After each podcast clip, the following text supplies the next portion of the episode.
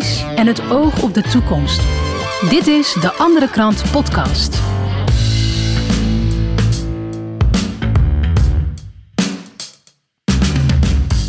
Dit is de Andere Kant Podcast. De podcast die jou de andere kant van het verhaal laat horen. En vandaag ga ik in gesprek eh, met twee dames over het onderwijs. Dat doe ik met eh, Barbara Lenobre en leerkracht Annelies van de Friese school Libbenewies. Zeg ik dat goed eigenlijk? Libbenewies? Ja, helemaal keurig. Goed geoefend. Ja, ik heb hier de hele week op geoefend, dat kun je nagaan. Ja. Ben ik in Friesland op een school en moet je het wel goed doen. Eh, leuk dat ik hier ben. We gaan het hebben over het onderwijs. Een heel belangrijk onderwerp, ook een heel beladen onderwerp inmiddels. En uh, de andere kant heeft deze week een thema-editie over het onderwijs. En Barbara, daar ben jij verantwoordelijk voor. Mhm. Ik pak hem er even bij en ik wil wel even zeggen... Ja, ik ben wel onder, onder de indruk eigenlijk op wat je gemaakt hebt. Want er staat zoveel in. Nou, dankjewel.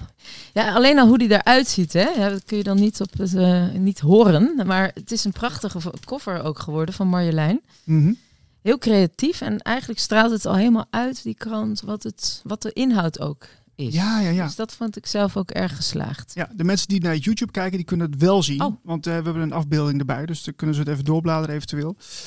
Uh, dat kan onze vriend Joe doen. Maar inderdaad, onderwijs. je hebt er heel veel mensen voor benaderd. En het gaat ook alle kanten op. Hè? persoonlijke verhalen van kinderen. Het Agora-onderwijs. ADHD komt voorbij. Absoluut. Maar wat maakt deze tijd nou specifiek uh, ja, de juiste tijd om het over onderwijs te gaan hebben?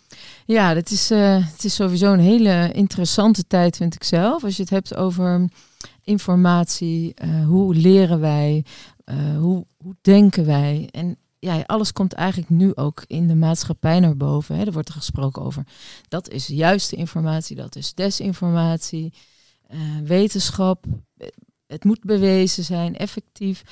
En ja, als, je daar, als je daar dus wat dieper naar gaat kijken, dan hè, de andere krantlezers, dat zijn ook mensen die uh, kritisch zijn, die uh, dingen van meerdere kanten bekijken, waardoor je dus ook een completer uh, ja, palet aan informatie krijgt, zou je kunnen zeggen. Is het, is het ook misschien een beetje zo dat de, de gebeurtenissen in de wereld ons een beetje triggeren om, om anders naar dingen te kijken die eigenlijk voor, vanzelfsprekend ja. aannemen? Ja, zo zie ik dat wel. En ik denk dat het huidige onderwijs in die zin, dat het ook geen kwade wil is, maar dat het onderwijs uh, veel te veel uh, van buitenaf op in kinderen stopt. En dat ze heel weinig de kans hebben om hun eigen visies te ontwikkelen, hun eigen talenten, hun eigen creativiteit. Dus het gaat om um, onderwijs vormen te vinden waar je dus wat meer leert hoe je moet denken en niet wat je moet denken. Dat is wel een beetje de kern van mijn verhaaltje ook in het begin. Ja, ja mooi. Uh, ik, ik denk dat je er, om ermee te beginnen vast een paar dingen wil uitlichten uh, die jij opmerkelijk vond in deze krant. Uh, ja, ik, ik, heb een paar dingen gelezen over ADHD, wat ik al zei, vond ik heel interessant. Ook empathie kwam er naar voren. Ja. wat wil jij er zelf over kwijt om mee te beginnen? Ja, de, de krant is genaamd Ontdek het grenzeloos menselijk potentieel. En um, dat vind ik zelf een heel mooi uh, uitgangspunt. Omdat het ervan uitgaat dat wij allemaal al eigenlijk heel erg uniek zijn, compleet zijn. Uh, um, we zijn, worden empathisch geboren, we worden geniaal geboren met een talent waar we, heel, waar we echt geniaal in kunnen worden. Alleen, ja, er zijn ook onderzoeken naar gedaan. Die staat, heeft Els een heel mooi stuk over geschreven. Dat, um, uh, dat door het systeem, dat die genialiteit eigenlijk helemaal teruggaat naar, uh, naar, naar een heel gemiddeld niveau. En soms ondergemiddeld. Dus veel kinderen die groeien op met het idee dat ze, dat ze gemiddeld zijn. Ja. Of dom, uh, nog erger. Ik kijk even naar rechts, want rechts zit Annelies. Zij is uh, mm. leerkracht hier bij Libbenewies. Um, ken je dat? dat? Dat de genialiteit er een beetje uitge, ja, ja. uitgehaald wordt als het ware? Het is ook uh, een van onze visiepunten. we hebben onze visie omschreven in drie, drie kernzinnen eigenlijk. En eentje daarvan is, je wordt niet iets, maar je bent het al. Dus wij geloven ook niet dat, um, dat wij het beste uit een kind kunnen halen of wordt de beste versie van jezelf. Nee, we hoeven, we hoeven alleen maar het kind te faciliteren in dat wat het, wat het al laat zien. En dat kun je het beste doen met jonge kinderen. Hè? Want je hebt heel vaak in de kleuterklasse wel dat je al ziet van oh, die wordt timmerman, die wordt brandweerman, die, die wordt zuster. Of... Kun je dat al heel snel zien? Bij de meeste kinderen is dat op hele jonge leeftijd heel goed zichtbaar. Ja, ja. Ik wist nooit wat ik moest worden, joh. Ik, de, ik deelde maar wat. Wisten je ouders ook niet toen je heel jong was van, eh, oh, die gaat, eh, die gaat eh, iets met eh radioshows. eh.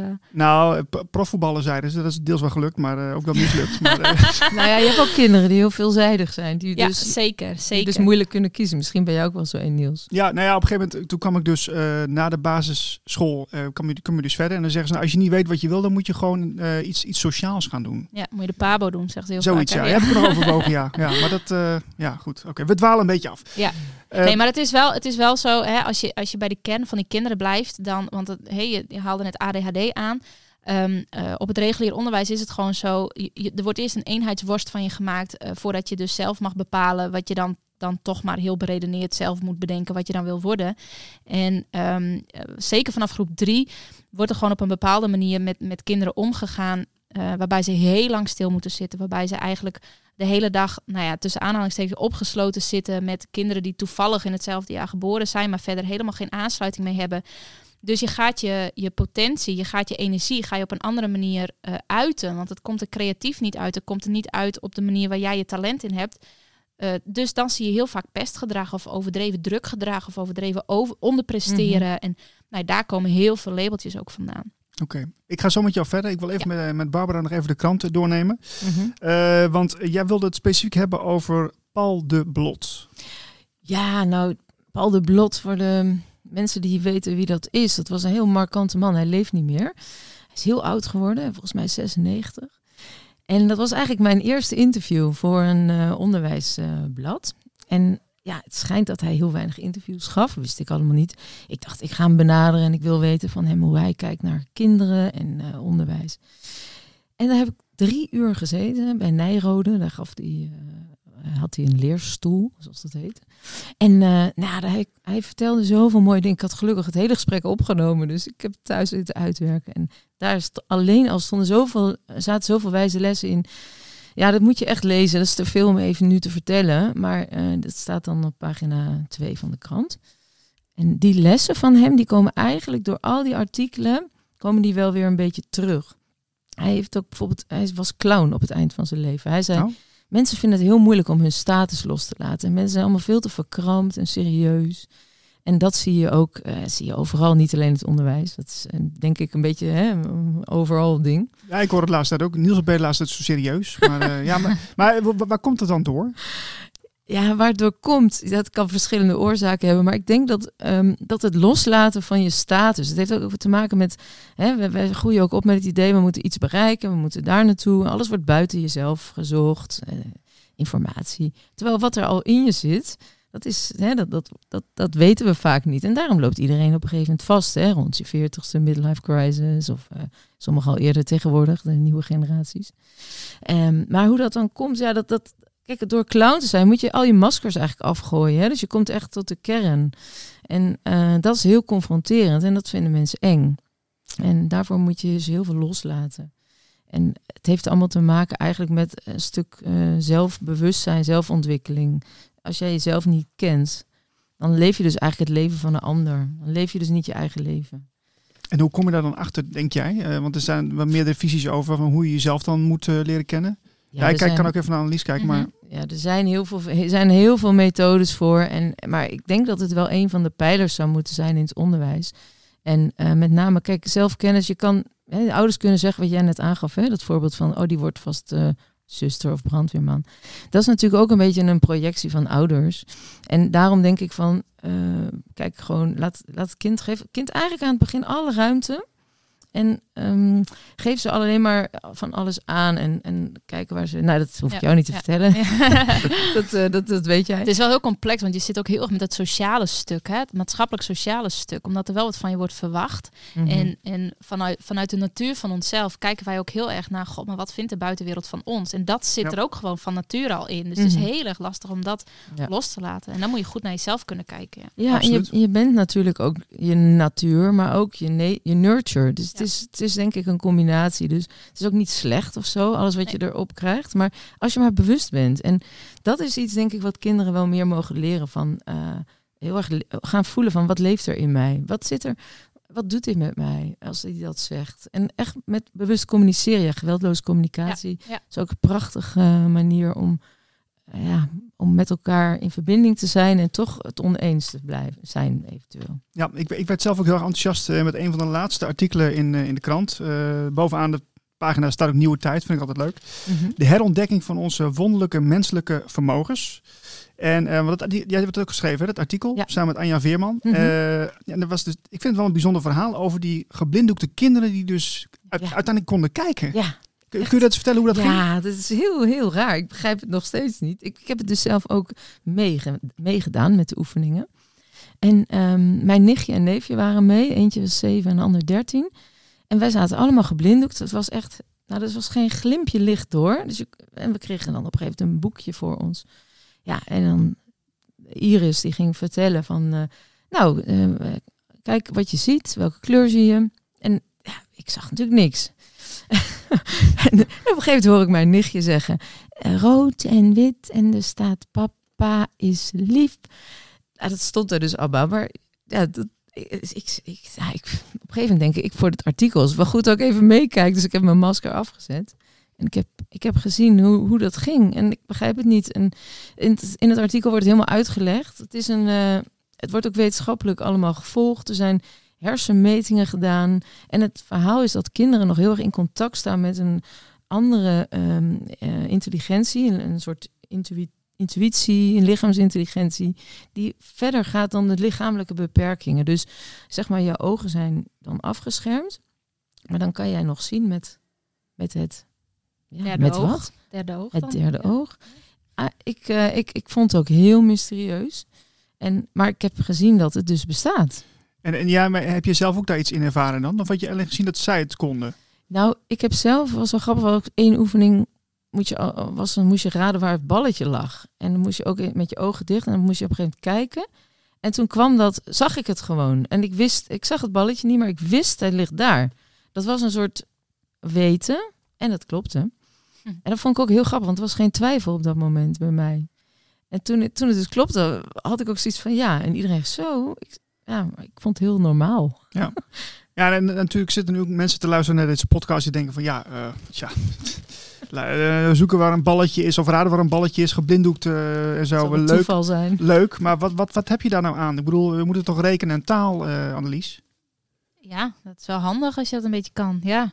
Maar, maar dit soort oefeningen zijn wel heel belangrijk om, om ook ehm, nou de, andere intelligenties aan te boren en ook te leren. Het is wel heel leuk dat je weet wat, eh, wat 7 keer 8 is. Ja. Maar eh, als je daar verder in je leven Ja, en, en niks mee doet, maar wel het zulke vaardigheden ontwikkelt, daar kom je veel verder mee. Ja, Iris die kan daar nog veel meer over vertellen en die heeft het ook gedaan. En in het artikel wordt het een beetje aangehaald, maar eigenlijk iets nog te weinig.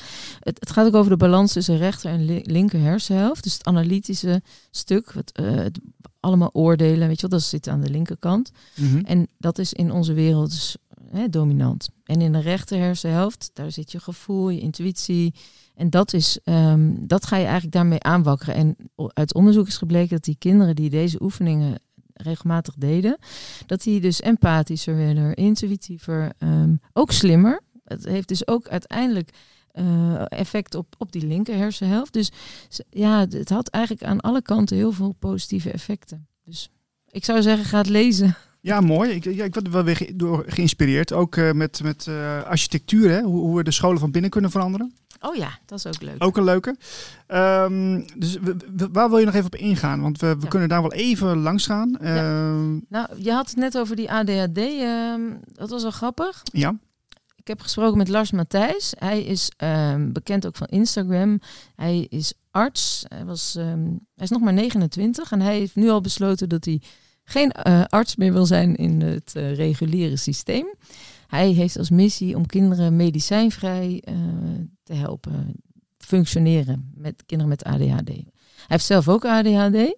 Hij zegt het bestaat, het is alleen geen stoornis. En hij heeft een hele mooie theorie. En die komt erop neer dat de kinderen met ADHD, die hebben eigenlijk restverschijnselen van de jagers en verzamelaars. En in de tijd, hè, dat, in die tijd was het heel handig dat je sensitief was, dat je op tijd eh, eh, zag dat daar een hertje liep. Ehm, en dat je eh, creatief was, dat je wist hoe kan ik dat hert vangen, enzovoort. Al die eigenschappen die ADHD'ers dan hebben, ehm, ja, als je die in een klas zet met elkaar, ja, dat, dat, dat gaat niet werken. Nee. Nee. Hè, dus dus daar, daar heeft hij een hele mooie, eh, hij heeft een boek geschreven, 10 eh, geboden voor superfocus.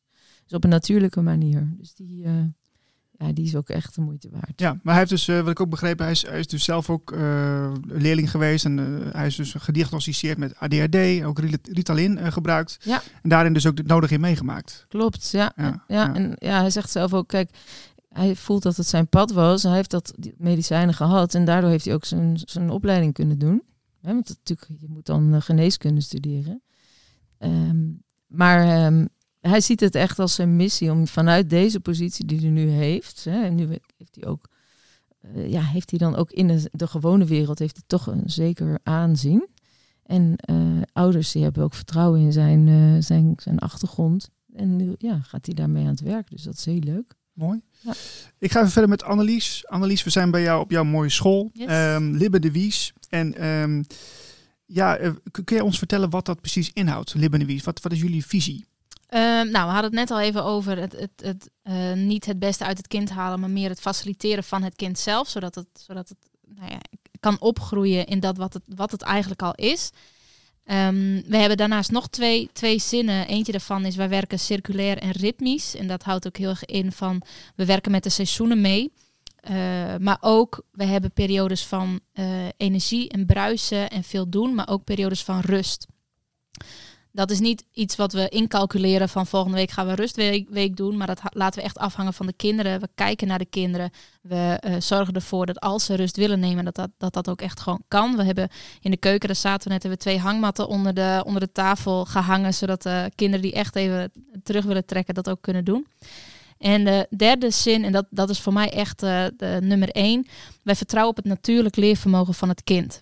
En dat houdt echt in dat wij er 100% op vertrouwen dat een kind leert wat het nodig heeft om later nou ja, in de maatschappij mee te kunnen draaien. En dat houdt soms in dat iemand niet zomaar kan oprakelen wat 7 keer 8 is, bijvoorbeeld. Nee. Ik gebruik het in mijn dagelijks leven nooit, namelijk. Maar Nee. wel heel veel andere dingen die Ja. ik. eh, Oké, dus, dus het kan zijn dat iemand dat niet weet eh, voor, eh, in het begin, hè, maar dan wel met andere activiteiten aan de slag gaat. Ja, Ja. we bieden, Ja. Hè, we hebben hier een, een ruim aanbod aan eh, materialen, boeken en dat soort dingen. We gaan heel veel ook op pad. Eh, we proberen de ondernemers ook heel erg te betrekken, zodat we de kinderen echt mee kunnen nemen in, nou weet je, dit is wat je later zou kunnen doen. En ook de ondernemers erin te betrekken, want heel veel, en wij gebruiken heel vaak de anekdote van, eh, van de jongen die op school heel graag met zijn handen werkt, heel graag hutten wil bouwen, maar ja, dan zes uren lang vastzit, zeg maar, in het schoolgebouw. En zichzelf door zijn, eh, door zijn onderwijscarrière heen ploetert. En dat hij eindelijk van school komt met een diplomaatje waar dan nou ja, een paar cijfertjes op staan van zijn, eh, van zijn examens. En dan naar een werkgever gaat en zegt, mag ik alsjeblieft voor jou aan het werk, want ik wil zo graag bouwen. En dat die werkgever zegt van ja, maar wat kun je eigenlijk? Laat dan wat zien. Ja, eh, ik kan nog niks, want ik heb nog nooit wat gedaan. Mhm. En dat die hier gewoon echt meegenomen worden daarin. En een portfolio opbouwen met bouwtekeningen, met foto's van projecten en hutten en van alles en nog wat. En dat die op een gegeven moment naar een werkgever gaan en dat portfolio daar neer kunnen kwakken en zeggen: Dit is wat ik kan, heb jij werk voor mij? Dus dat is een beetje, eh, en dat kan natuurlijk in alle, alle vakgebieden, dat kan ook een arts worden, die kan ook echt naar de universiteit, als het kind het maar zelf aangeeft. En dat is bij ons echt de hoofdmoot. Ja, dus eigenlijk een soort, soort eh, ja, be- begeleiding of supervisor ben je Ja. eigenlijk dan, hè? Ja, coach, ja. begeleider. Ja, we noemen onszelf ook niet juf of meester of leerkracht. We zijn, we zijn begeleiders. Ja. Ja, want ik wil even, even naar jou toe. Want jij eh, je hebt de PABO doorlopen. Ja. In 2017 heb je dit eh, afgerond. Ja. En toen ging je aan het werk. En ehm, eerst in het reguliere onderwijs, de Ja. basisschool ben je, Ja. ben je begonnen. En ik heb begrepen dat je op dat moment eh, moeder werd. En toen dacht je van, nou ja, hm, het huidige onderwijssysteem, eh, ja, dat, eh, dat ging me heel erg tegenstaan. Ja, het was echt, eh, nou, wat je zegt, op het moment dat ik moeder werd en, en me heel erg ging verdiepen ook in het natuurlijk ouderschap en hoe ontwikkelt een kind zich eigenlijk en hoe leert een baby eigenlijk dingen, vaardigheden, kennis. Dat, dat strookte niet met, met hoe ik met de kinderen in het onderwijs omging. En ik had op een gegeven moment, toen mijn oudste dochter een jaar of anderhalf was, stond ik zelf voor een kleuterklas. En ik weet nog heel goed dat ik op een gegeven moment die kinderen van, van vier, vijf, zes jaar dingen moest toetsen die mijn peuter van anderhalf thuis al kon. En toen dacht ik van, maar wat, wat is dit eigenlijk denigrerend tegenover die kinderen? Dat ik ervan uitga dat ze dat niet kunnen. Ja, ja. Dat we eigenlijk in het onderwijs heel erg denken, een kind kan dit niet tenzij het aangeleerd wordt door de leerkracht. Niet door de ouder of door iemand anders, maar dat moet door de leerkracht gedaan worden. En wat was dat dan? Of weet je Nou, dat was een meervoudige opdracht kunnen uitvoeren. Dus loop naar de la, pak dit en dit eruit en breng dat bij mij. Ja, ja. Ja, Oké, nou ja, het is wel handig als je het kunt natuurlijk. ja. Echt alles moet Ja. gemeten worden. alles hè? moet gemeten worden. Ja, Ja, ja, ja, en da- nou, op dat moment had ik echt zoiets met, maar wat, wat, wat zijn, waar zijn we hier eigenlijk mee bezig? Hè? Wat, wat is dit vreselijk? En, en, en toen ging ik ook daar verder, want dan word je op een gegeven moment bewust. Hè? Dan gaat er op een gegeven moment een lichtje aan bij jezelf en dan kun je er ook niet meer omheen. Dan ga je ook naar een schoolgebouw kijken en dan ga je ook inderdaad kijken naar, die, naar de klassen. En wat, wat doen wij kinderen? Nou, dat klinkt dan wel heel, heel zwaar, maar wat doen wij kinderen aan zo'n hele dag op school? En dan ga je op een gegeven moment in gesprek met mensen. En dan merk je ook dat heel veel kinderen en steeds meer met ontzettend veel buikpijn en hoofdpijn naar school gaan. Dat het 's ochtends een strijd is om ze de daar te krijgen. Jeetje. En dat de juf dan op een gegeven moment zegt tegen de moeder van... Oh joh, daar moet ze even doorheen. En als je weg bent, dan is het oké. Ja. En dan ga je nadenken, maar hoe komt dat dan? En wat doet dat kind dan? Ja, Maar dat verklaart toch wel een beetje van eh, dat je, wat je op de kleuterschool ook al ziet. Dat heel veel kinderen eh, huilend hun moeder eh, moeten eh, achter. En Vreselijk. dat, dat is dus niet voor niets. Het is niet zomaar van ze huilen omdat het natuurlijk is. Nee, nee. Een huilend kind heeft ergens behoefte aan. En wij worden natuurlijk in deze maatschappij heel erg geleerd van laat ze maar huilen, want ze moeten dat leren. Mhm. Nou, en dat, dat is eigenlijk waar het bij mij een beetje bij begon ook. Dat, dat voelt voor mij niet oké. Nee. Een baby die huilt, heeft, heeft de moeder of de vader of iemand nodig die daar geborgenheid in biedt. Het huilen is het enige communicatieinstrument wat dat kind heeft. En dat verandert niet. Nee, en ouders zijn heel bang dat ze hun kind verwennen. Hè? Dat Ja. eh, zit er ook heel sterk in. En als je dan zegt van, ehm, nou, laat het kind zelf weten of hij wel of niet iemand een knuffel geeft, bijvoorbeeld. Dat is Mhm. ook zo'n onderwerp. Ja, Nee, dat moeten ze leren. Dat Ja. hoort bij beleefdheidsvormen. Ik heb zelf zo'n spijt van dat ik mijn kind vroeger eh, dan heel vaak vooruit duwde. was vrij een beetje verlegen wel in gezelschappen. En dan, en dan zei ik, hup, handje geven. Ja, en dan dacht ja. ik, want, want, want dat vindt mijn moeder leuk, mijn vader. En ze hoort dat. Maar weet je, het is natuurlijk eigenlijk als je erover na gaat denken, is het gewoon... heel fout. Ja, En nou gaan ze dus op school ook heel erg aanleren van, hè, dat gaat dan over het, het seksuele gebied, maar dat je elkaar mag aanraken totdat iemand zegt stop. Terwijl we dus wel kinderen heel erg aangeleren van, ja, maar oma moet wel een kusje hebben als je weggaat. Terwijl het kind dat niet wil. Nee. Dus ook daarin, dat, het strookt gewoon niet met elkaar. Mm. Nee, precies. Ik denk dat kinderen het zelf heel goed weten. Absoluut. Hè? Ja. Maar goed, op zich, eh, de, de, de- de- de dingen die je in het dagelijks leven doet, elkaar een hand geven, dat, dat is toch op zich niet verkeerd. Maar dat Nee. zien ze toch? Kijk, Ja. ik denk zelf, want kinderen die leren vooral van wat jij voorleeft. Absoluut. Dus als jij mensen een hand geeft of een knuffel, dan gaan ze dat ook doen. Maar als je ze gaat zeggen dat moet, ja, dan, dan nou ja, ik bedoel, misschien ligt het aan mij, maar bij mij gaan dan gelijk alle haren recht overeind als ik iets moet. Ja, nee, dat ken ik ook wel. ik wil even naar jou, Annelies. eh want je, je, jij kwam toen tot besef van, nou ja, eh, dit moet anders. Mhm. Ehm, en jouw dochters gaan niet het systeem in. Nou ja, dat is nogal een rigoureuze stelling. Eh, waarom absoluut niet dit systeem? Ehm, ja, eigenlijk, eigenlijk om deze redenen. Ehm, ik wil dat, dat mijn kinderen de kans krijgen om echt om, om op te groeien in vertrouwen en, en in een veilige omgeving. En een school, een gebouw ehm, ehm, waar, ze, waar ze toevallig bij leeftijdsgenoten zitten. Het is hartstikke leuk, heel sociaal. En ik denk ook echt dat ze daar, zeker in de kleutergroepen, haar heel goed, eh, daar heel goed zou gedijen. Ehm, alleen op het moment dat er, dat er verplichte kost wordt aangeboden, iedereen op hetzelfde moment droge stof eh, aangeleerd krijgt en het er daar maar mee moet doen. Nou, ik weet en ook uit ervaring van wat ik om me heen zie en eh, eh, familieleden met kinderen die door hetzelfde zijn gegaan en, en mijn eigen ervaring in het onderwijs ook, daar gaan ze op stuk lopen. En dan, en dan ga ik ze een heel bewust, en dat is denk ik wat me heel erg heeft getriggerd, dan ga ik ze bewust een systeem insturen waarvan ik weet dat zij daar een trauma van gaan overhouden. Want ik heb dat zelf. En niet een heel zwaar trauma dat ik daar nog heel erg last van heb, maar wel dat ik van mezelf heel goed, heel bewust nog weet dat ik in groep 4 dacht, oh, nog vier jaar dit. Dat, dacht- dat dacht je echt. Ja, Mhm. ja. Dat is wel heftig. Het is heel heftig. Wat ja. doe je je kind dan aan? Dat, Ja. dat, je, dat je weet dat je, dat je leeft van vakantie naar vakantie. Dat je eindelijk even niet meer naar school hoeft. Mhm. Ja. Terwijl het wel heel gezellig we hadden het heel gezellig op school. Jeetje, oké. nou, dat, eh, maar eh, toen kwam Libben de Wies eh, op jouw pad. Of hoe is dat gegaan eigenlijk? Nou, ik denk dat, dat hierin ehm, eh, de, het onderwijs op afstand vanwege de coronalockdowns wel heel erg heeft geholpen in het bewustwording van, van ouders ook. Dat die zagen wat de kinderen dus thuis voor stof kregen. En dat daardoor heel veel mensen bewust werden van wat wordt er in het onderwijs eigenlijk aangeboden en wat vinden we daarvan. En toen ben ik in contact gekomen met een groep mensen die, ehm, die daar ook over spraken. En die hadden toen telkens maar over een, een B3-school, staatsvrije school. En toen ging er bij mij iets aan. Ik denk, dit, hier moet ik iets mee. En toen ben ik dat gaan uitzoeken. En toen heb ik mensen eh, benaderd die bij mij in de, buurt wonen, die daar een beetje hetzelfde over dachten. En ik heb een bijeenkomst georganiseerd, bij mij thuis eerst en daarna op een grote locatie, omdat er best wel veel animo voor was. en daar heb ik de vraag gesteld van, joh, ik heb dit idee en ik had samen met iemand anders, had ik daar een visie eh, heel helder op papier gezet van dit is wat wij willen. Nou, daar zijn die drie eh, kernwaarden ook uitgekomen. Wie wil met ons dit opzetten? En dan zijn we met een groep van zes vrouwen, zijn we daar, eh, hebben we onze schouders eronder gezet. En binnen een jaar, we zijn in, in eh, eind februari, zijn we ermee begonnen. En in augustus eh, zijn we gestart. Goed zeg. Ja, Ja, dit is dus een heel- goed voorbeeld van een, eigenlijk een burgerinitiatief wat gewoon Ja, heel wel. snel floreert. Ja, ja. En ehm, hoeveel kinderen zijn er nu op deze school? We hebben nu uit mijn hoofd 13 of 14 kinderen. We zijn begonnen met 23, we waren best een grote groep. Maar eh, je merkt toch, en zeker in een opstartende school en qua visie, wat op papier staat en wat er in de praktijk gebeurt, verschilt nog wel eens.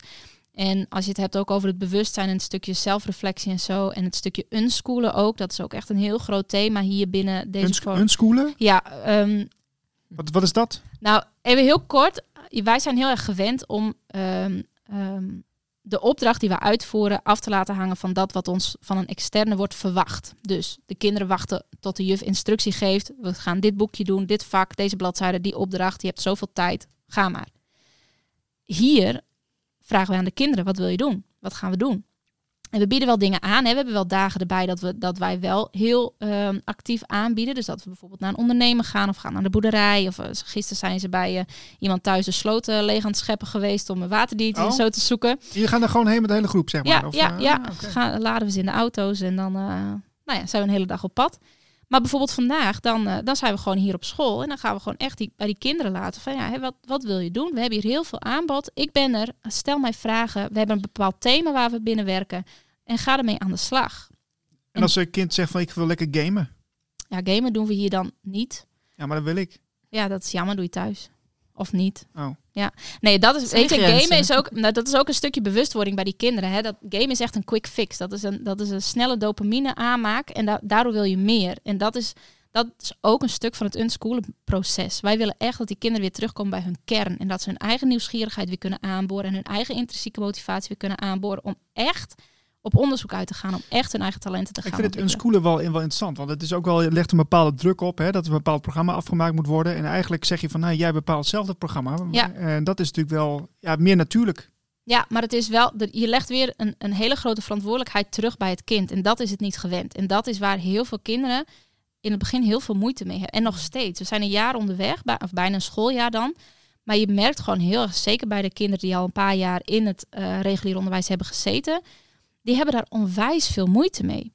Want op het moment dat de juf zegt dat jij iets moet doen, dan kun je dat tegen aanschoppen en dan kun jij daar iets van vinden. Maar op het moment dat je dat zelf moet doen, dan ben je, moet Ja. je bij jezelf te raden gaan. Ja, maar dat is eigenlijk toch eigenlijk een, prachtige ehm, ehm, eh, spiegel voor de, voor de samenleving. Want wat, wat je ook ziet, heel veel mensen vinden het prettig om eh, van de baas te horen wat ze moeten doen. En eh, hè, in de- in de fabriek te staan of Ja. wat, wat dan ook voor werkzaamheden. Brave maar- burgers. Ja, nou ja, zo zeg jij het. Maar, eh, Ja. maar inderdaad, dat is lekker. Krijg- En dan krijg je ook te horen wanneer je vakantie hebt. Dan ben je Ja. vrij. Ja. Hè? En dan eh, daarna moet je weer eh, aan de bak. Ja. Dus- Maar hoeveel kinderen weten eigenlijk... Eigenlijk is dat on-school voorbeeld wel lachen. Want ehm, als je klaar bent met het voortgezet onderwijs... dan moet je kiezen, wat ga ik studeren? Hè? Veel kinderen, hoeveel kinderen weten dat? Ja, weinig. Eigenlijk, dan wordt ze dus ook gevraagd, wat wil je? En dan weet ze het niet. Nee. Het is, dit, het is nog nooit zo vaak... eh, er zijn nog nooit zoveel kinderen die stoppen met studeren. Als En burn-outs ook. Hè? Ik bedoel, als je altijd afhankelijk bent van een externe prikkel om iets te doen, word je ook heel snel overvraagd, want je kunt je eigen grenzen niet aangeven. Je, je weet niet wanneer jouw lichaam zegt dat het tijd is om te stoppen. En daar krijg je echt burn-outs van. Heel veel mensen in mijn leeftijd zitten al met de eerste of de tweede of de derde burn-out thuis. Ja. Het is wel mooi hoe jullie dat ook... Hè, jezelf, jezelf ben jij ook het voorbeeld. Je bent, je bent zelf eruit gestapt, je doet het nu. Vanuit je eigen kracht, heel autonoom. Ja. En dat is ook wat je die kinderen eigenlijk geeft. Ja, Ja. zeker. Is het voor jou ook eh, jouw missie om dit te laten slagen? Ja, dit is, maar zo voelt het ook echt hoor. We hebben dit dus heel snel hebben we dit op poten gezet. En we doen dit allemaal ook eh, vrijwillig, de, om de ouderbijdrage. Hè, want een particuliere school wordt niet bekostigd door de staat. Dus het is allemaal vrijwilligerswerk. wat wij doen zodat het betaalbaar is. Het is echt een levensmissie, want anders hou je dit niet vol. Ja, ik kan me zo voorstellen, bij alle wensen van, van de kinderen moet je aansluiten. Dus dan moet je ook weer een passende uh, vervolgtraject voor uh, bedenken. Ja. Dat lijkt me wel een gigantische klus. Het is een hele, hele klus, maar het is heel mooi om te zien wel. En daarin stel, stellen wij ons ook heel kwetsbaar op dat we de kinderen en ook de ouders hebben hier een hele grote rol in natuurlijk. Hè? Want, het, want het, we noemen het school omdat het zo heet, ook bij de inspectie, zodat we ook herkenbaar zijn. Maar eigenlijk zijn we veel meer een, een, nou ja, gemeenschap, community is ook weer zo'n beladen woord. Maar de school stopt niet om twee uur. Dus het is niet zo dat, dat als een ouder merkt dat een kind op school iets heeft gedaan of zo, dat hij even verhaal komt halen bij de juf. Zo werkt het bij ons niet. Nee, nee. We zijn met elkaar echt een groep die de kinderen faciliteren in, in hun ontwikkeling.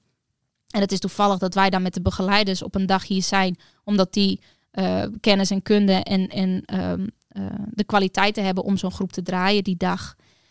Maar verder pakken we het echt allemaal helemaal met elkaar op. Ja, want ik ben even hier geweest nu, uh, mm -hmm. een paar uurtjes. Maar uh, zijn er ook leerkrachten, of mannelijke leerkrachten of alleen ja. vrouwen? Nee, we hebben, we hebben twee meesters. Ah, ja. kijk, leuk. Ja. Alright, ik was ook benieuwd. Ik, ik zie het um, ja, uh, ik ga nog even naar Barbara, want we, we, hebben natuurlijk die onderwijskrant, die is gigantisch mooi geworden. Ik zeg dat niet vaak, want ik ben kritisch. Maar uh, Dankjewel. de mensen die uh, dit voor het eerst horen, waarom zouden ze die, deze krant moeten lezen?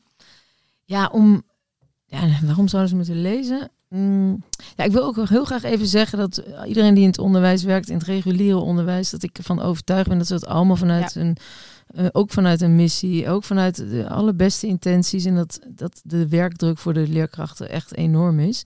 En, um, en dat, dat ook niet één ideaal systeem bestaat, maar dat het erom gaat dat er meer ruimte komt voor, hè, voor ander soort leren. Ja. Um, en, en nou ja, goed, daar hadden we het over gehad. Um, waarom moet je de krant lezen? Omdat eigenlijk daar heel veel inspirerende uh, voorbeelden in staan van wat je zelf kan doen, wat er al gebeurt ook. Nou ja, bijvoorbeeld waarom CITO-toetsen een slecht idee zijn. Altijd al geweest en die moeten eigenlijk gewoon afgeschaft worden. En uh, wat er um, al bestaat op het gebied van empathieontwikkeling. Um, nou ja, als je, als, je, als je kinderen, als je weet dat iedereen empathisch wordt geboren, dan waarom is er dan pesten op school? Nou, misschien omdat het empathisch gedrag niet beloont in dit systeem dat je baat hebt bij competitie. Dus je moet, uh, je moet je harde kanten en de soft skills, die zijn niet nodig. Dus dan kun je ook, hè, je moeten omdraaien. Het is er allemaal al. Maar wij, wij kiezen voor andere, wij maken andere keuzes. Dus die krant, ja, die besteedt eigenlijk aandacht aan, uh, vind ik ook uh, heel rijk, uh, rijk aanbod aan wat er is, wat er kan. Ook straling op school hebben we het over. Dus het is denk ik wel gevarieerd. Super. Ja. Ik wil nog even een analyse. Um, de mensen die naar deze podcast luisteren, denken van verdorie, ik wil ook een eigen school uh, oprichten. Kunnen ze jou ervoor benaderen? Zeker, absoluut. Hoe, ja. kunnen, hoe kunnen ze dat doen? Uh, we hebben een website, libbenewies.nl, L-I-B-B-E-N-E-W-I-I-S. Dat is levendewijs in het Fries natuurlijk. Um, en daar, uh, via daar kunnen ze contact opnemen. We zijn wel bezig met de nieuwe, uh, of de website opnieuw te lanceren van de zomer. Want, nou ja, tijd en zo. Um, dus, uh, maar we zijn zeker altijd, altijd bereikbaar. info.libbenewies.nl kunnen ze ook een mailtje insturen. Super. Ik wil je heel danken voor jullie tijd allebei. Ja, ook bedankt dat je hier wilde komen. Ja, leuk. Dank je. Super. Uh, we zijn er weer met een nieuwe uitzending van de Andere Krant podcast binnenkort. Uh, abonneer op ons kanaal en koop de krant, word abonnee. En voor slechts 11 euro per maand ligt die bij jou in de bus. Tot de volgende keer. Bye bye. Dankjewel voor het luisteren. Wil jij ook de Andere Krant bij jou thuis? Bestel hem dan op deanderekrant.nl